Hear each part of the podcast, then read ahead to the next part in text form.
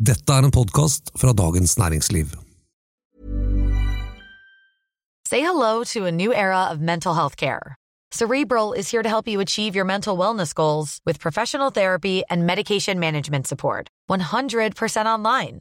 You'll experience the all new Cerebral Way, an innovative approach to mental wellness designed around you. You'll get a personalized treatment plan from a therapist, prescriber, or both in a safe and judgment free space.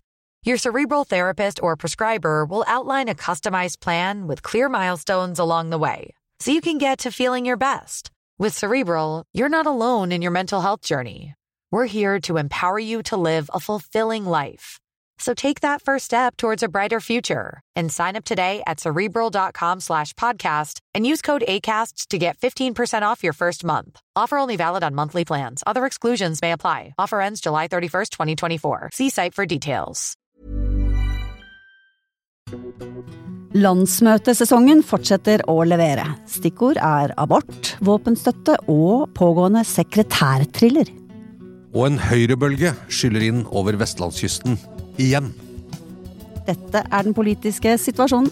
En podkast fra Dagens Næringsliv med kommentator Eva Grinde og meg, politisk redaktør Fridtjof Jacobsen.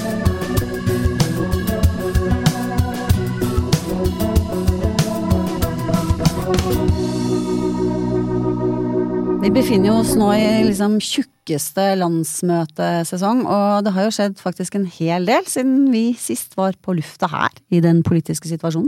Ja, de eh, helgene er spekket. Så hva, hva har du tatt med deg siden sist vi var sammen? Jo, nei, altså Det aller første var jo faktisk at eh, jeg tror det var dagen etter eller noe sånt, at eh, Peggy Hessen Følsvik, leder av valgkomiteen Arbeiderpartiet, avsluttet en storstreik og avsluttet arbeidet i, i valgkomiteen og kom ut med det de kalte for en enstemmig innstilling. Ja. Eh, det der med enstemmig kan vi jo diskutere litt, men, eh, men eh, der, var det jo noen interessante ting. Det har jo liksom hele tiden vært snakk om at den helt sikre fornyelsen i Arbeiderpartiledelsen, det er å få inn Tonje Brenna som en nestleder nummer to, etter at den har stått leder etter at Hadia Tajik gikk av på grunn av bråk og bruduljer. Men eh, det var jo ikke bare det som skjedde. Nei, Jan Christian Vestre er foreslått som eh, ny nestleder. Bjørnar Skjæran ut. Det tror jeg vi registrerte sist, at han hadde trukket seg. Jeg, går litt i surr med dagene her, men eh, Jeg lurer på om han også Ja, det var i hvert fall omtrent samtidig med, med for, midten av forrige uke. det var i hvert fall slik at han først sa at han ikke ville søke gjenvalg som eh, nestleder, og da dermed sto plassen åpen. og så Da var det jo ikke noe voldsom overraskelse at det var Jan Christian Vestre som fikk den plassen. Og så var det jo da den siste eh, i leder... Eh, hva skal man si? Kvartetten. Firoen, kvartetten. ja. eh, nemlig stillingen som partisekretær, hvor det jo eh, var en del spekulasjoner om Kjersti Stenseng kom til å bli innstilt, eller hvordan dette kom til å bli. Men valgkomiteens eh, innstilling var altså at Kjersti Stenseng skal fortsette som partisekretær da i to år til, i hvert fall, frem til neste landsmøte. Ja. Og det, og det er jo den, det som eh, fortsatt er det springende punktet som gjør at vi kan si at det fortsatt er en eh, thriller på gang her. Fordi det som jo kom fram, eh, eh, som også har kommet fram, er at det var stor uenighet internt i valgkomiteen om Kjersti Stenseng burde være kandidat eller ikke. Og ifølge lekkasjer som, eh, som ikke er blitt tilbakevist, i hvert fall, eh, så, så var det bare én en persons overvekt eh, for, for Kjersti Stenseng, reelt sett. Altså, de tok en sånn runde internt i valgkomiteen og spurte hvem bør, skal vi gå inn for henne at hun fortsetter som partisekretær. Og, da var det nesten delt på midten. Det er derfor jeg tenkte dette med enstemmig valgkomité er, er liksom et begrep å å diskutere. For det, er klart at, eh, at de ønsket å, å, å stå sammen om det de ramlet ned på, ikke sant? sånn at alle gikk med på at da går vi inn for det. Men det var ikke faktisk full støtte til Stenseng. Nei, og det, det enstemmighetsbegrepet i sånne prosesser kan jo være litt forvirrende, for, det høres jo ut som man har hatt en avstemning og alle har stemt det samme, men, men innstillinger fra valgkomiteen eh, er jo ofte slik at man diskuterer, og kanskje noen ganger også sier at vi får rett og slett nesten ta en prøveavstemning her, hvem vil det ene og hvem vil det andre. Eh, Men det er vanlig, altså kutyme, at eh, hvis et flertall i en valgkomité eh, går inn for én kandidat, så vil man si at ok, men vi leverer på en måte en samlet innstilling. Dette er liksom valgkomiteens innstilling. og det, er ikke så vanlig å ta liksom dissenser i en valgkomité, men det, gjøres av og til. Altså, og vi vet jo i innstillinger til stortingsplasser osv. Så, videre, så hender det ofte at valgkomiteer leverer eh, forslag til rekkefølge på Stortinget med dissenser på noen plasser. ikke sant? Og det, eh, så, så, helt uvanlig er det ikke, men, men, men det er jo som du sier at den den formelle enstemmigheten i valgkomiteen eh, kunne kanskje tilsløre at, eh, at det var eh, ganske splittet på midten eh, om Kjersti Stenseng skulle få fortsette eller ikke. Og da det som er den andre kandidaten antageligvis her, nemlig Helga Pedersen, tidligere nestleder, nå ordfører i Tana.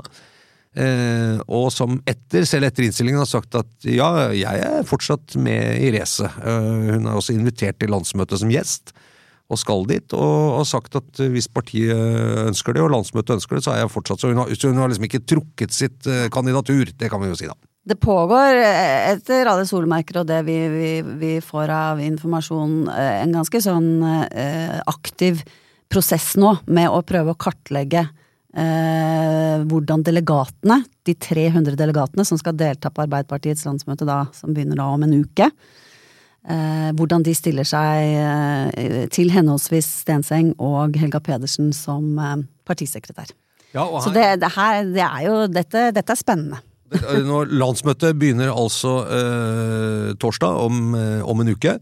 Eh, altså torsdag neste uke. Og, det, og det er jo, her er det jo noen interessante ting, bare sånn rent formelt. Fordi at et landsmøte består jo av delegasjoner fra alle de ulike fylkespartiene som er liksom plukket ut med delegater fra forskjellige lokallag i fylkespartiene osv. Og, så og eh, som regel er det jo slik at hvis et fylkesparti har vedtatt et forslag, eh, så er de som møter for fylket bundet på en måte av fylkespartiets vedtak. Altså slik at eh, selv om de kan være uenige internt, skal vi foreslå det eller det, så er det sånn når man kommer på landsmøtet og fylkespartiet har vedtatt noe, så, ja. mm. så, så, må de stemme med, med flertallet da i, i sitt eget fylkesparti. Eh, men så er det her slik at reglene og vedtektene i Arbeiderpartiet er slik at noen kan kreve, det holder at én person gjør det, sier at jeg vil ha en hemmelig skriftlig avstemning om et verv i partiledelsen. Uh, og, så da er? Og da er det ingen som vet hva du stemmer. Uh, hvis man sitter og rekker opp skiltet, så vil jo fylkeslaget ditt se om, om du bryter med linja. Eh, og Da er det plutselig et nytt spill, og, og her er vi inne nærmest. Ja, her er vi jo inne i det du, som du sier, og som er sekretærthrilleren, da, ikke sant? Og for alle som har sett på West Wing, for eksempel, så husker man jo hvordan rådgiverne til Bartlett hadde sånne whiteboards hvor de skrev opp alle ja. representantene og telte hvem, ja, ja, hvor mange har vi, og er vi over Der ser du hvordan de ringer rundt, og hvordan de skal påvirke, og liksom kan du snakke med den og den, og hva mener de, og hvordan skal vi få dem over, og Så, Sånne prosesser er i gang nå, og det er det vel liten tvil om. Ja, så alle, alle de 300 delegatene til Arbeiderpartiets landsmøte, de aller fleste av dem blir nok ringt nå, både av Stensengs på en måte folk, og av de som ønsker Helga Pedersen, og sikkert det, er nok noen sentraler, sekretærsentraler her, med, hvor man holder telling ikke sant, og mm. ser mm. Eh, nærmer vi oss nettopp. Og så er det jo da Kommer de til å stemme på det de faktisk har sagt at de skal stemme, eller kommer de til å stemme noe annet hvis det blir en hemmelig avstemning? Også? Ja, og det kan jo skje ting i løpet av landsmøtet òg, ikke sant, og taler, taler, fra talerstolen som overbeviser den ene Altså folk kan bestemme seg to minutter før, og det, i det hele tatt. Men, men, men, der er vi jo også inne på noe, fordi at eh, altså, sånn, rent eh, fra vårt, ståsted så ville det jo vært veldig spennende om det ble det som man da kaller benkeforslag og kampvotering, ikke sant, på selve landsmøtet. Det er spennende. Det er ikke sikkert at Arbeiderpartiets ledelse ønsker seg akkurat en sånn situasjon, så det kan jo også hende at man prøver å avklare dette Altså Én ting er hvis man finner, altså finner, ut at eh, nei, eh, flertallet av delegatene er enig med valgkomiteen, og, Kjersti Stenseng har klart flertall, så tror jeg ikke Helga Pedersen Eller det har hun vel i og for seg Det ligger i kortet at da tror jeg ikke hun stiller opp, ikke sant. Hun prøver ikke å ta en kamp hun Det er veldig stor sjanse for å tape. Men la oss si det det er jevnt. Hva gjør Kjersti Stenseng da, liksom? Vil hun trekke seg, eller hvis det ser ut som Helga Pedersen, som jo kanskje Eh, ja, noen rykter sier det, at det er hun som leder for tiden. Eh, vil det liksom Ja. Er det da duket for at Kjersti Stenseng trekker seg tilbake før landsmøtet? For å slippe å få den, eh, Altså det vil jo overskygge ganske mye av substansen på saker og debatter og sånn antagelig, hvis det blir en sånn åpen nestlederstrid på Arbeiderpartiets landsmøte, tror du ikke? Sekretærstrid, ja. Ja. Eh, Ja, sekretærstrid, ja. ja. jeg, jeg tror kanskje det toget har gått. Jeg, altså Dette spørsmålet og dramatikken rundt dette vervet. Eh, det, det andre er det jo ikke noe særlig dramatikk om, Nei, tror jeg. Eh, det er allerede det mye kommer til å handle om. Eh, Hvis ikke, de, hvis, ikke de, hvis ikke en av dem helt klart sier eh, 'jeg stiller ikke', før landsmøtet, da. ja, men det er jo ikke noe det ikke, Vi ser ikke noe tegn til det Nei, nå, i hvert ser fall. ikke noe tegn til det nå. Mye også, kan skje på en uke. Og så er det jo sånn at en, en, en, det man kan kalle en kampvotering, eller en fair votering altså om et viktig verv, det er jo en, egentlig en ganske naturlig del av et partidemokrati. Eh, på KrFs landsmøte i helgen hadde vi jo noe av den samme situasjonen, ikke sant? Hvor, Ja. det, var, eh, hvor det var en ganske sånn jevn kamp om et nestlederverv. Eh, og, og, og to kandidater som hadde fra et litt forskjellig politisk utgangspunkt. Den ene ble betegnet som mer konservativ, og den andre mer liberal. Eh, og den liberale kandidaten vant. Men der også var det jo en ganske sånn eh, Det var en votering, og det var valgkamp, og det var sikkert telling, og det var Alt dette var litt i skyggen, så, det, er jo ikke, ikke så unaturlig. Nei, det er ikke det, men, men, eh, men la oss si at Arbeiderpartiet er et litt Det er liksom partiet over alle partier. Nå sitter de i regjering, det har mange års konflikt konflikthistorie bak seg nå, ikke minst mellom folk i ledelsen. Ikke sant? Veldig mye diskusjon om, om, om, om mye kan gjøres med å få nye folk på plass. Hvordan skal den fornyelsen dette partiet trenger, ta form? Ikke sant? Så det, det, er liksom, det, er, det, er, det er så mye mer potent eh, problemstilling, da. Eh, og selvfølgelig et mye mer mektig parti enn det, enn det KrF er. Men det er jo helt klart at det, det ligger jo i eh, det ligger jo i systemet at man skal kunne gjøre sånne ting. Det er jo derfor det heter benkeforslag, og at det er, det er en helt, eh, helt grei eh, sak. Det som eh, tror jeg er Og, det her er, kan jo peke litt fremover, at eh, hvis en avstemning, eller eventuelt et resultat La oss si at det blir en avstemning, eh, og, og Stenseng vinner med et knapt flertall. Eh, Så vil det jo sitte igjen et eller annet om at eh, mandatet og tilslutningen fra landsmøtet og partiorganisasjonen er liksom noe svak, hvis, hvis det er et betydelig mindretall som, ikke, som ønsker en annen kandidat. Eh, hvis på den annen side Helga Pedersen vinner med et knapt flertall, så vil jo det også være en litt vanskelig start, hvor da kanskje en fløy, hvis man kan kalle det det, eller, eller, eller Stenseks støttespillere, eh, vil liksom eh, kunne gå inn og si ja, vi har ikke den partisekretæren vi ønsket oss, eh, kan vi liksom havne i en ny sånn fløykamp mellom interne miljøer som står mot hverandre, fylker osv. Det, det skrives i hvert fall at Stensengs støtte er sterk i Trøndelag og i Akershus, mens andre i Oslo Ap for eksempel ønsker seg en annen partisekretær, og kan det liksom da holde liv i disse typiske interne partistridighetene som jo har ridd Arbeiderpartiet en del i det siste. De er i og for seg Partiet har jo alltid hatt en del sånne interne konflikter, og, og både når det gjelder verv og politikk og sånn, så de er ikke uvant med det. Men, men, men det er jo eh, hvis det, liksom blir et, hvis det blir veldig mye fokus og det blir, liksom tar veldig mye luft i rommet, da, så er jo det, kan jo det være vanskelig å komme ut av det landsmøtet, hvis, som et, en splittelse der, da. Ja, og, og det ser jo ut som det er en ganske sånn 50-50-deling. Altså, vi vet jo ikke. Sånt, sånt kan jo vise seg å, å være annerledes enn det man tror. Men det, det er i hvert fall stor støtte også for Helga Pedersen. Det er jo liksom den ene etter den andre rukket opp hånda fra, fra Ap-fylkene ikke sant, og sagt at vi, vi går inn for henne. Eh, og, og, og Stenseng for eksempel har jo også liksom påfallende lite støtte for eksempel i sitt eget fylke. Eh, Så, sånn at begge de løsningene, ingen av de løsningene er kanskje helt ideelle, men, men Helga Pedersen ville jo innebære en liksom litt sånn renere cut da fra, fra, fra den der lange, vanskelige perioden de har hatt, kanskje. Altså ville vil, være mindre hun er, så, hun er kanskje ikke sånn super ønsket, men hun er ikke like kontroversiell.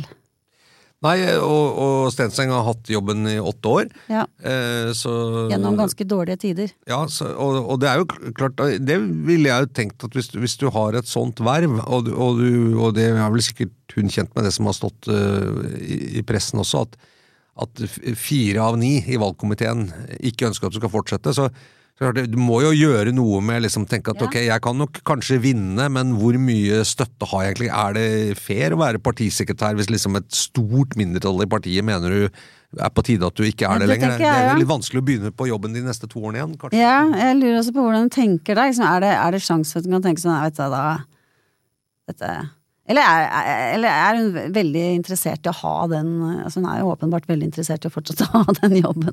Det er en mektig og sentral uh, jobb um, som men, men, men, men, jeg- men jeg er enig med deg. Det må jo liksom gjøre at hun også tenker litt. Jeg, jeg tror mange, i hvert fall det jeg har hørt, at, øh, og det, nå selvfølgelig når det kommer en utfordrer, og det, så er det jo veldig mye av kritikken mot Stenseng som blir eh, fremført eh, ikke sant? For, som en grunn til å skifte osv. Men, men eh, det er jo ganske mange også i Arbeiderpartiet som, eh, som jeg har snakket med, og litt ned på grunnplanet, sånn, som sier at de oppfatter henne som en partisekretær som er engasjert i mange lokalpartier, eh, som alltid tar telefonen, som lytter, som er, og kan hjelpe til osv. Så, videre. så man må ikke underspille heller, ikke sant? at, at i, store deler av organisasjonen så, så har hun oppfattes som, som at hun er en dyktig partisekretær. Tonje Brenna sa jo da hun ble intervjuet og, og var innstilt som nestleder og ble spurt om Stenseng, så sa hun, at, eh, sa hun vel noe sånt som at Stenseng er en drivende dyktig politiker som vi har liksom veldig god bruk for i, i partiet. Så, men, men dette er jo en er Føler vel at, at dette er en ganske sånn fair fight, er det ikke det? En ganske fair, og Den er tøff, selvfølgelig, og det er valgkamp og metode brukes og sånn, men det er jo en fair fight om et viktig verv. Og så er det jo det som kanskje er litt merkelig med Arbeiderpartiet, er at generalsekretærrollen, eller partisekretær som det heter her, eh, Er valgt. er valgt, Ja. ikke sant? og ikke ansatt, liksom. eh, For det er jo en ganske også en sånn administrativ funksjon som skal holde organisasjonen i gang og passe på penger og at alt funker. Og info kommer og så videre. Og det, det er jo litt sånn eh, Det er der hun kanskje er god, da, på en måte som ikke syns så godt ut av det. ikke sant? Altså det der med, med nettverk, holde kontakt, være til stede. eh, Være liksom det sentrale Arbeiderpartiets eh, kontaktpunkt på en god måte. Eh, Der har hun jo eh, omdømme, da. For, for, eh, og det er jo en viktig del av den jobben. Så, mm. Men da ikke så synlig, selvfølgelig, som de som er ute og debatterer saker ustanselig. Men, ja, men at mye Vi har jo vært litt igjennom saker som kan prege landsmøtet, og dette med arbeidslinje og, og sosiale ytelser, og, og vi ser jo også litt tonen i lønnsoppgjøret i dag. Foreslo LO at i statsoppgjøret så skal det være et flatt kronetillegg til alle istedenfor prosent, eksempel, som jo prioriterer de med lavest lønninger, sånn, sånn eh, prosentmessig. Ja, klassisk eh, sånn forhandlingsspørsmål, det der. Mm. Eh, Og det, det er- kommer nok til å bli ganske mange viktige politiske debatter om det, eh, og veien videre også når det gjelder skattepolitikk og næringspolitikk og alt dette som har kokt litt eh, energi, kanskje og sånn. Men, men dette sekretærstrilleren kommer nok til å overskygge ganske mye av dekningen. og og det er klart, det gjør noe med et landsmøte og landsmøtedelegater, det at det er en sånn spenning og telling av stemmer og folk som går rundt og hører sånn. Det vil nok, det vil nok være liksom det som det prates om i krokene og på nettene og sånn utover der. Det er ikke bare pressen som er opptatt av det. Det, det, det blir man ofte møtt, møtt med fra, fra de politikerne. Bare sånn, ja, typisk, dere er bare opptatt av det. Men um, la meg si det sånn, de er litt opptatt av det selv òg. Er min erfaring at de er svært opptatt av det. Men, men, men altså, det er derfor jeg tenker at, eh, at det er eh, sikkert et ønske om å prøve å avblåse denne striden på en eller annen måte før landsmøtet. Spørsmålet er om det er mulig. Så Ja, det, det tror jeg faktisk er vanskelig. ja, det kan. Eh, og også er jeg heller ikke helt sikker på om det er riktig. For det er noe fair at sånne ting avgjøres liksom i åpent landskap med en avstemning, istedenfor at det liksom er en sånn eh, litt sånn At Du teller ferdig på forhånd, og da får du i hvert fall ikke med det som eventuelt skjer fra talerstolen og i debatter og sånn, da. Hvis det skulle Ja, vi, jeg tror vi kan legge til grunn at hvis, hvis Helga Pedersen hadde sett at dette var håpløst, at alt jeg kan oppnå er liksom å bli en kandidat som utfordrer valgkomiteens innstilling og jeg får 10-20 stemmer, liksom, da, da tror jeg ikke kanskje hun ville gjort det. Men, men samtidig, Helga Pedersen har jo ingenting å tape. Eh, I verste fall så er hun fortsatt ordfører i Tana, og det, og det sier hun at hun syns er veldig ålreit. Og hun sa at hun har det beste kommunestyret i Norge osv. Så, så, så hun har liksom hun har jo lite å tape, da. ikke sant? Ja, nei, jeg syns det er eh, Bortsett fra hvis hun får jobben, da. Da, da har hun Da hun masse å tape. Nei. Men jeg vet ikke om vi skulle Skulle vi ta en eh, kjapp tur innom, innom Rødt òg, eller? Der var, kokte det jo også litt i helgen, på landsmøtet der. Ja, Uh, ja. våpenstøtten. Ja. Våpenstøtten. Der, der, der, eh, der, der tok det jo et langt skritt eh, i retning av litt mer, hva skal vi si, stueren politikk. Ja, men, men det som vel fikk mye oppmerksomhet, var jo eh, var debatten. annet, ja. Eh, og, og ja, det ble flertall for at Norge skal kunne sende våpen til Ukraina, riktignok med noen beskrankninger her og der osv., Ja. men, men, men eh, likevel var det et ganske betydelig mindretall som stemte mot det. Det tenkte jeg òg. Altså, det, det er jo ikke få. Det var, eh, det var liksom to, ja, Nei, jeg husker ikke akkurat antallet, men det var, eh, det var en stor del. Man- får jo av og til inntrykk når man, ser på Rødt og ser på dette landsmøtet, at hvis du husker den filmen Men in Black, Ja. altså den første med hvor det er noen sånn utenomjordiske eh, liksom skadedyr, men som forkler seg i sånn menneskeham, ikke sant? Men når liksom dette revner, så, så ser du liksom hva som er på du på følte innsiden. at det kom fram her, ja? Eh, Ja, lite grann. eh, Men, in red, ikke sant?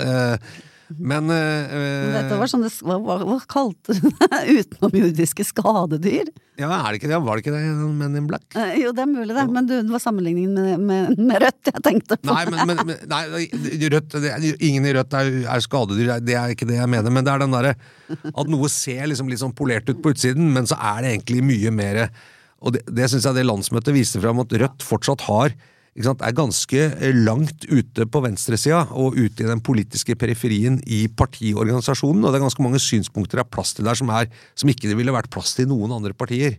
Altså ko- Kontrasten mellom måte de som sitter på Stortinget og er, blir, blir eh, liksom påvirket av hele den eh, måten å tenke politikk på, og, og grasrota i partiet er ganske stor. Og det, det kom liksom fram i all mulig tydelighet på landsmøtet. I hvert fall deler av, av grasrota, ikke sant? Ja, ja, ja deler av glas- grasrota selvfølgelig, da. Men, eh, eh, men, men er på en måte så, så syns jeg det er litt rart også at, at at vi blir så forundret over at det, Eller forundret er at man blir liksom, liksom sjokkert over at det kommer sånne uttalelser eh, fra talerstolen i Rødt. For det er jo, det er jo på en måte det er jo noe av selve grunnidentiteten til det partiet historisk også å være det ene partiet som tar kontrært standpunkt, som ser på USA sin måte å handle på. De mener jo faktisk at, at, USA og Nato og Stoltenberg og alle sammen gikk i bresjen for krigsforbrytelser da de gikk løs på Libya. Eh, Ja.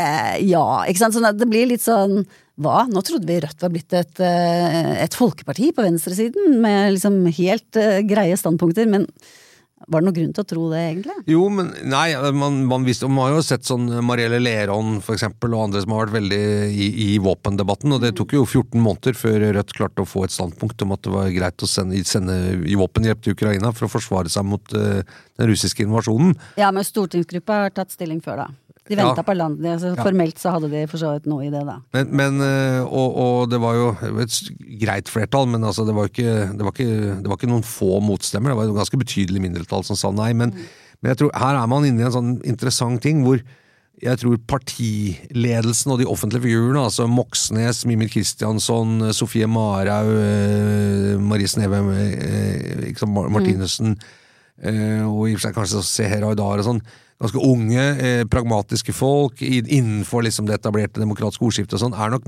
ganske representative for Rødts velgere. Mens i partiorganisasjonen så har du en del folk som er liksom, eh, tror jeg, som ikke velgerne helt er forholder seg til. Men, Altså, men en av de var jo han, han eh, eh, Mobashari, som, Ja. som nå er gruppeleder for Rødts bystyre. Man husker Eivor Evenrud forsvant ut, og så videre, og som ønsker å samarbeide med Arbeiderpartiet. Ja. Litt samme grunner, ikke sant. Og det var han som kom med dette krigsforbryterutsagnet om Stoltenberg. Eh, og det er jo litt interessant. Altså jeg, jeg så nå at på 1. mai i Oslo så skal han holde tale blant annet på samme podium som Raymond Johansen. Ja. ikke sant? Det, De er ikke så, så glad i hverandre akkurat nå. Nei, og det, dette var jo det med Stoltenberg og krigsforbryter var jo noe som ble vakte ganske sterke reaksjoner i Arbeiderpartiet, og Støre sa vel det her er en av grunnene til at ikke man kan liksom samarbeide med, med Rødt. Så, så den, den miksen mellom ganske ekstreme politiske eh, synspunkter eh, og samtidig si at nei, vi er også et pragmatisk samarbeidsparti liksom på venstresida, type SV, MDG, det, det går ikke helt i hop, da. Nei, det gjør ikke det, og det, det er der de sliter, og de kommer vel til å fortsette å, å slite med det. Eh, det. Det var vel noen, eh, noen forslag også på det landsmøtet som ble stemt ned når det gjaldt å liksom endre på eksempel hvordan man er representert på landsmøtet, som jo også er en sånn Litt, eh, som også eh, bygger opp under det at det er veldig mange ymse folk som får stor stemme. Ja, I den forstand at eh, hvert eneste lokallag har, cirka, har liksom én delegat uansett hvor store de er. Ja, ikke sant. Eh, sånn at eh, du kan, du kan lage en liten gruppe på tre stykker, så får du én inn, liksom. Sånn er det i noen partier, at partiorganisasjonene ofte er folk som eh, kanskje har et med, særlig noe på venstresiden, kanskje også på høyresiden, veldig ideologiske, veldig liksom faste, rene og sånn i det. Mens, mens, mens eh, sammensetningen i en partiorganisasjon på landsmøtet kan være veldig annerledes enn det som er velgerne. Jeg tror Rødt er der. Rødt tiltrekker seg en del mennesker som jeg tror eh, ville fått kanskje sjokk hvis de var på Rødts landsmøte. ikke sant? Eh, Fordi de stemmer på Rødt av helt andre grunner enn liksom mye av det som er den store ideologiske debatten inni der. det Det er en del historisk bagasje der. Det, det hadde vært uh, kjempeinteressant egentlig å se, å se sånn meningsmåling på Rødts velgere. Hva er det egentlig de Altså velgerne, Ja. ikke deltakerne. Liksom, hva, hva er det de, hvor er de i det landskapet? Dette er jo også, ikke sant, En av Erna Solbergs ting i Høyre er sånn eh, du kan stemme på Høyre selv om du aldri noensinne kunne tenke deg å være medlem av det partiet. ikke? Eh, Arbeiderpartiet har jo også hatt det. ikke sant? Eh, Deler av Arbeiderpartidebatten er ganske langt unna det. Vi, vi favner bredere enn det på en måte som ville vært naturlig for folk å være med i or- organisasjonen eller bevegelsen. det, det har de nesten alltid gjort. Det, og, det, og Rødt har liksom forstått det. At du, du, du må, må liksom ha blikket på velgerne og ikke bare på organisasjonen. og da men når det kommer et landsmøte, så er det organisasjonen som kjører, ikke sant? og da kan det jo bli litt eh, krøll på linja. Jeg tror Moxnes var nok lettet, eh, selv om de var over at de endte på ja til våpenstøtte. ikke sant? Det, for du så jo det, Hvis jeg kunne tippet andre veien, og det ville vært veldig krevende Det tror jeg hadde vært veldig krevende. for, for velgerne, ikke sant. Ja. Ja, og for ledelsen i Rødt, da. Eller for, ja, for hele Ja. partiet, for alt. Men, eh, men du, vi skal rekke en tur innom Vestlandet òg. Ja, også, Vi nevnte også abort da i Hedden, og det var jo Kristelig Folkeparti som, som valgte en nestleder som hvor man sier Ja. er, er liksom eh, Kristelig Folkepartis historiske motstand mot den norske abortloven på vei ut, ikke sant? Eh, aksepterer de dagens abort og abortlov for å nettopp liksom mm. si at vi, det, da kan vi i hvert fall stå der, så vi ikke blir ytterligere liberalisering. Interessant. Ja, ja, for det, hun som eh, stilte mot var jo Jorunn eh, Lossius, som er fra Vest-Agder, og som står for den mer konservative linjen i, eh, i KrF, og nettopp i abortspørsmålet eh, mener at den bø, dagens lov bør strammes inn, uten at hun liksom hadde eh, helt sånn detaljer for hvordan den skulle strammes inn. Eh, og det er jo Eh, det, det er jo et, et politisk standpunkt som det ikke er mulig å altså, Der er det veldig langt til noe som ligner på noe flertall for det. Mens, mens, eh, mens hun eh, Ida Støre Nei, hva Støre, sier jeg. Hva heter hun? Der. Ida Lindtveit Røse. Ja. Som ble valgt. Hun, eh, hun går jo inn for dagens eh, Eller mener at det er en god eh, grense, da. Det blir altså et slags oppsiktsvekkende standpunkt i et politisk parti. Det er jo nesten ikke til å tro. Men, men det, og det er ja, litt det det talende for sånn KrF at sant? dette er det store stridsspørsmålet. Det føles jo liksom helt altså, er- Diskuterer man det? Men Men det er ikke så rart med, det er jo ikke så rart med tanke på at det er KrF og Liv og, og dette. På en måte så kan du si at det er litt rart at de syns det er greit til tolv uker. Mm. Altså, hvor, altså det er lettere på en måte å forstå Lossius ut fra, sitt, fra hennes ståsted. Så det blir jo den derre veldig pragmatiske, men, men også eneste farbare veien, da. Så det kan jo være begynnelsen på et litt bredere KrF som prøver å ja. Ja, spørsmålet er jo om det å gå bredere, der er det mange om beinet, da. Eh, Eller er vil det. være liksom mer mobiliserende å si at ok, men hvis eh, 4 i Norge liksom vil forby abort, da. Mm. som i store deler av USA eller andre. Land, at man er så religiøs, så går vi heller for de. Altså, ja. for, men eh, Enig i det, men er vel akkurat den, den det skisma der har vel KrF drevet og balet med alltid. absolutt? Det er sånn fra det ene til det andre og litt altså fram og tilbake mellom de to. De kommer sent, eh, og det, og det går ikke så godt. Det er vel sånn det har vært litt med de de siste årene. Velgergrunnlaget er litt i ferd med å forvitre der, og de, de sliter jo med å finne en posisjon etter hvert som samfunnet er blitt mer liberalt osv. Så, de, de Så er det jo spørsmålet om hun Røse kan liksom være en vei Ja, eh, eh, en person, en type politiker innenfor KrF som viser eh, ja, ja, vei fremover. Men Vi får se. Vi får se. får se. Da kan vi legge de landsmøtene bak oss og bare se frem mot neste ukes landsmøte. Uh, Arbeiderpartiet sitt. Ja. Vi må lage en pod om det òg etter hvert. Ja, ja. Ja. Nei, jeg, jeg, syns vi har snakket en god del om Arbeiderpartiet sitt. Ja, ja, men, altså, men etter det så er det ferdig, da. Ja, ja, ja, sånn, ja. Absolutt. Nei, ja, vi må lage Det blir nok mer Arbeiderparti-monitor neste uke, ja. Ja. Kanskje opptil flere ganger, til og med. Muligens. Min oppvarming har jo denne uken vært at jeg har vært på besøk eh, i Ålesund. Ja. En, En flott by. eh, Det vet jo alle som har vært der. En veldig vakker by. Eh, Og dro fra Det var til og med litt sånn Ja, det var mange værtyper på én dag, men det var jo også innbefattet sol og, og litt sånn eh, Klassisk Vestland, Ja. hele pakka. Og, og bare jeg, En stund siden jeg har vært der liksom litt sånn over tid. Jeg har vært innom på noen sånn valgkampting man har fulgt med på og sånn, men, men det, som i mange norske byer jeg har vært i, så, så ser man at det har skjedd ganske mye på de siste tiåret. En voldsom utvikling. Eh, mye sant, flotte hus, mye aktivitet.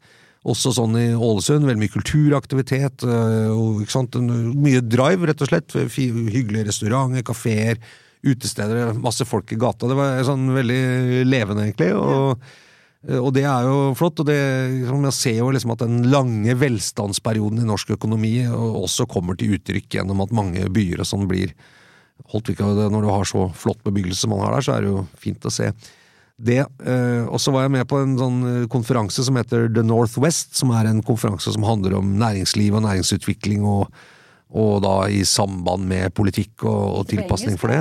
Nei da, men, eh, men eh, Ålesund har jo et globalt utsyn. Ja, sant? ja, ja, ja. Klart. Så, og det var Hvordan var eh, stemningen? Nei, det var, det var veldig interessant. Det, det, temaene er jo selvfølgelig mye av de samme som er nasjonale temaer. Det er energi. Mm. Møre og Romsdal har en krevende energiforsyningssituasjon. Eh, de har jo ikke vært i regionen som har hatt så høye strømpriser, men de, har, de, de er veldig avhengige av å importere kraft for å dekke sitt eget behov. Og det koster, som vi vet, litt penger for tiden. Ja, de har jo sluppet unna det verste. Det er mye fra Sverige, da. Eh, Og så ligger jo også i det fylket ligger jo denne Aukra-terminalen, som jo eh, eksporterer enormt mye gass, spesielt til Storbritannia. Og hvor det nå er væpnede vakter og, og ikke sant? Dette er jo en utrolig samfunnskritisk installasjon, ikke bare for Norge, men også for Europas energiforsyning. Og det er klart, det kjenner man, den trusselen da fra med sabotasjen kjenner man jo mye mer på eh, jo nærmere man kommer der. Eh, og så var det snakk om liksom, hva skal til i framtida for å lokke til seg unge. Eh, Ålesund trenger, eh, og hele regionen i, og for seg, eh, på, i Møre og Romsdal, trenger jo at uh, unge mennesker vil slå seg ned der, at de kommer hjem, eller som en sa Istedenfor å ha en kampanje som sier 'bli med hjem', skal vi ikke ha med en som sier 'bli med hit', for å tiltrekke seg arbeidskraft. Det må og- og ikke være folk som er født der, liksom. Nei. Men ja, du fortalte oss noe interessant. Det er ganske skjev kjønnsfordeling.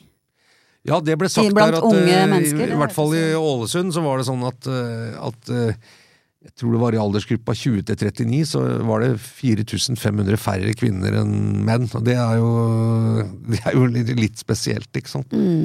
Eh, næringslivet i, i, på Sunnmøre sånn er jo veldig mye knyttet til maritim industri. Eh, selvfølgelig veldig nært kysten og, og sjøen og havet. Eh, og det, der er de jo drivende flinke liksom, til å bygge skip og, og marin, sånn maritim teknologi. Eh, så, så det blir nok sikkert en næringsvei i fremtiden nå, men det er liksom, hvordan skal man utvikle resten av byen? Hvordan skal man tiltrekke seg folk? Hvordan skal man tiltrekke seg flinke folk? Hva skal man gjøre med offentlig sektor, helse?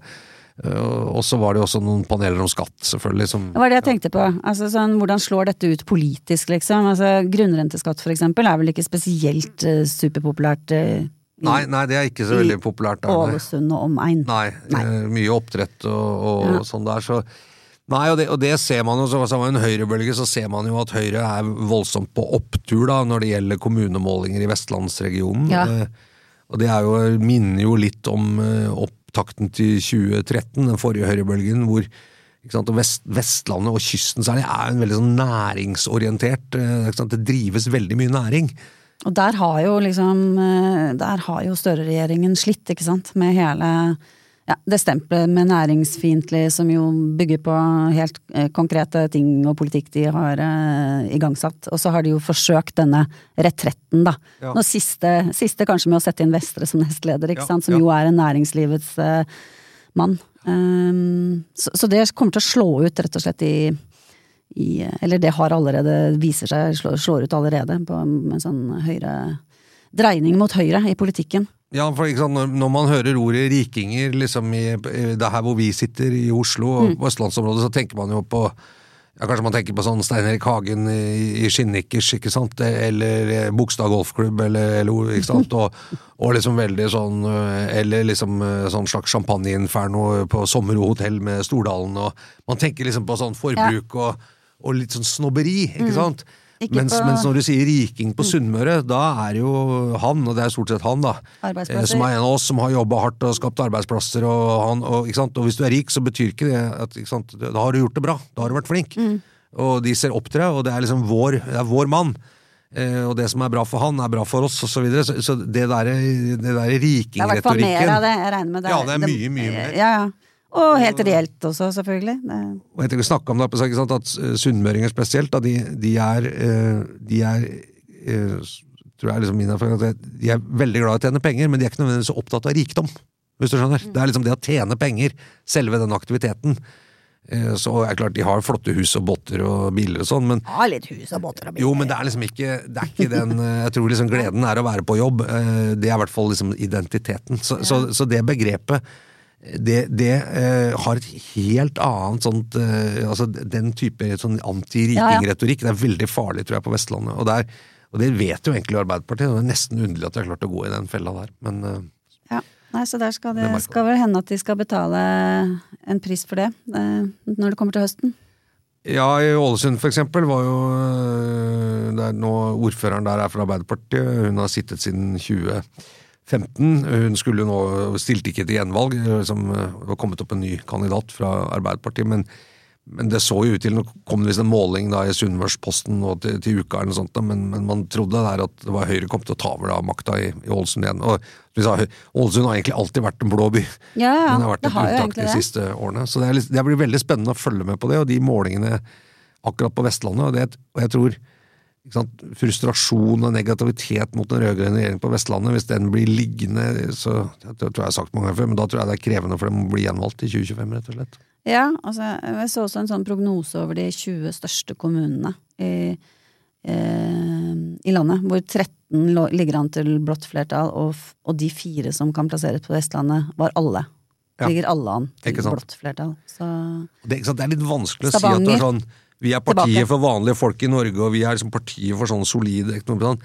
Jeg tror liksom, veldig mye eh, Vestlandet selv mener jo selvfølgelig at de er de ekteste nordmennene alle nordmenn, ikke sant, og det er kyst og hav og sånn, men det er nok litt sånn er nok også veldig sånn at, vi, at det er mye sånne av de, sier, de norske verdiene som liksom kommer til uttrykk i, i denne vestlandskulturen, ikke sant. Først du høres litt fre- nyfrelst ut, ja.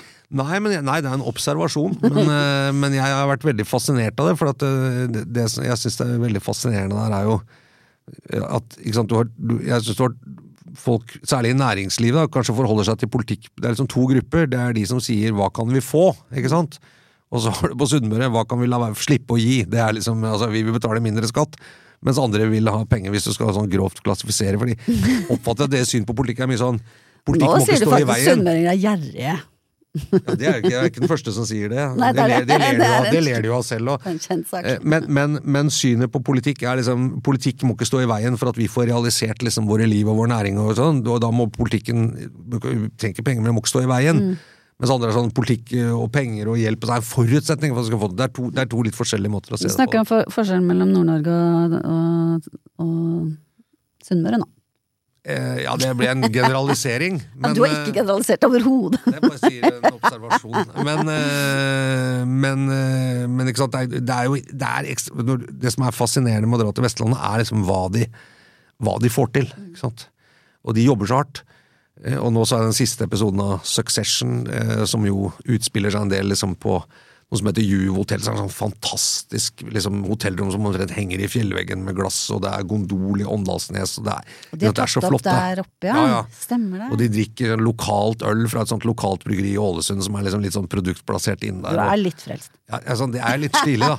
Ja, men jeg skjønner når Succession skal filme i Norge, så er det dit de drar. Ikke sant? Ja, det er jo sånn. Jo, jeg er litt frelst, jeg skal innrømme det. Ja, men, jeg, det er gøy, det. Jeg er kvart sunnmøring, ikke sant. Ja, du er det, ja. må jo by på det. Jeg er litt fra Vestlandet, jeg òg. Ja, ja. Ja, du er det, ja. Jeg er det. Halvt, faktisk. ja hvor, ja, hvor da? Fana ut fra Bergen. Fana, ja. Nettopp. Ja, ja.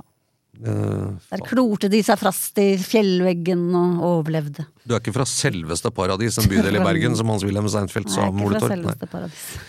Ok, Vi skal slutte der nå, før vi begynner å snakke nynorsk her. Eh, dette var Den politiske situasjonen. Det er en podkast fra Dagens Næringsliv som sendes hver uke. Handler jo da om politikk. I studio eh, kommentator Eva Grinde og meg, politisk redaktør Fridtjof Jacobsen. Produsent er Gunnar Bløndal.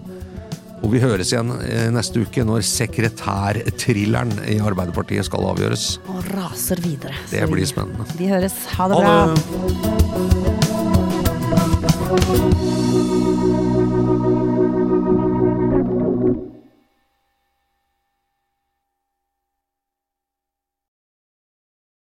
Du har nå hørt en podkast fra Dagens Næringsliv.